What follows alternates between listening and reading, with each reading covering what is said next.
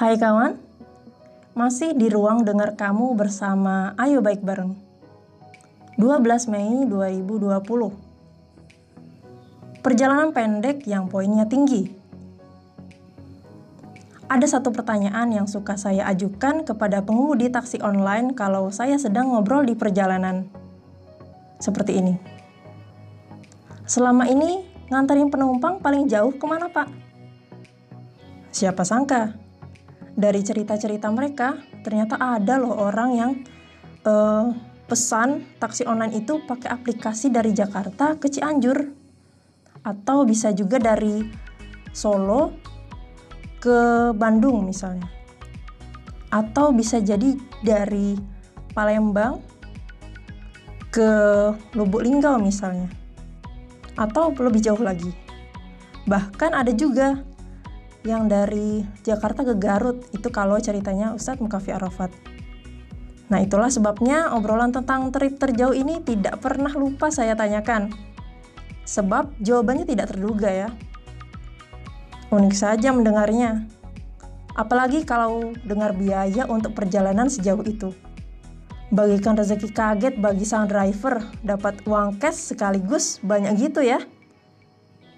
Tetapi Rata-rata pengemudi lebih suka trip-trip pendek walaupun biaya perjalanannya murah.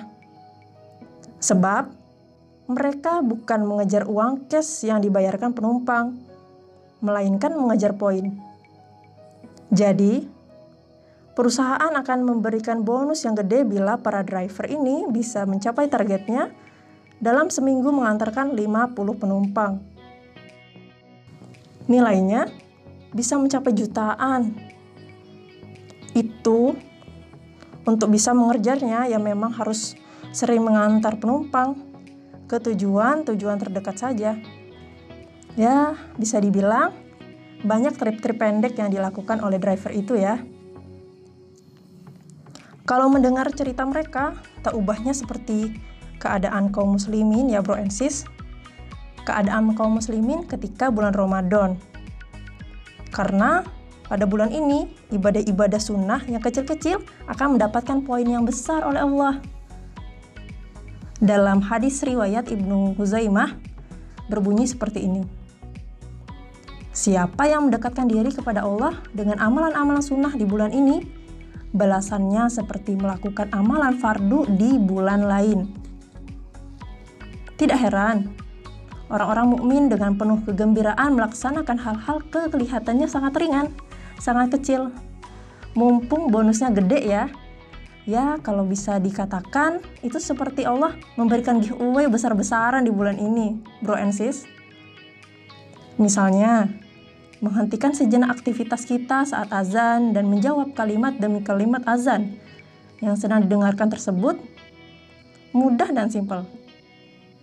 Atau contoh lainnya, dawamul wudhu atau menjaga wudhu, terutama sebelum tidur, kemudian bersolawat saat menunggu lampu merah, misalnya harus keluar ya, mungkin di tengah pandemi ini kita akan sedikit berkeluaran gitu ya. Tapi mungkin ini akan berlaku ketika orang harus keluar dalam physical distancing.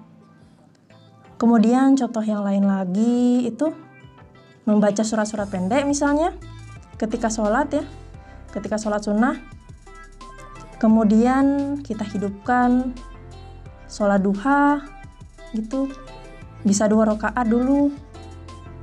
Kemudian ya, itu semua banyak ya contoh yang lainnya.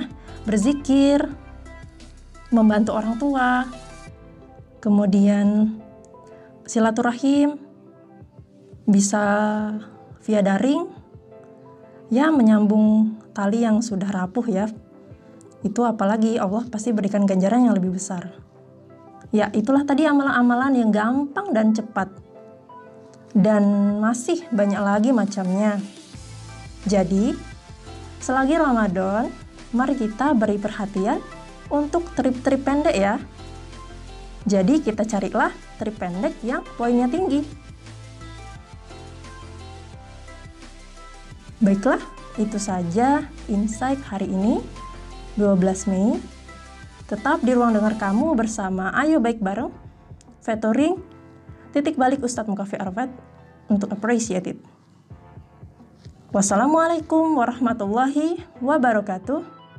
Tetap di titik kulminasi. Eh salah ya. Tetap di titik ayo baik bareng. Selamat pagi.